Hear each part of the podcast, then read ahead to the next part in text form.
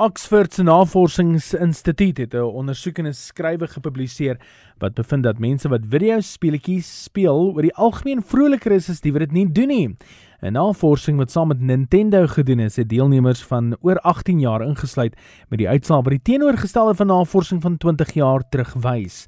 Twee dekades gelede het navorsing getoon dat mense wat meer gereeld speletjies speel moontlik depressief kan wees.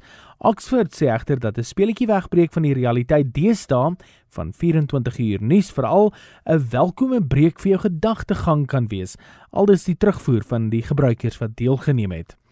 En 'n internetgebruiker in die landelike gebiede van Engeland het die skok van sy lewe gekry na 'n navraag oor vesel internet na sy huis. Die man wat gekla het oor die spoed van sy internetverbinding, is 'n kwotasie gegee van meer as 100 000 pond om verbind te word tot die Vesel-netwerk.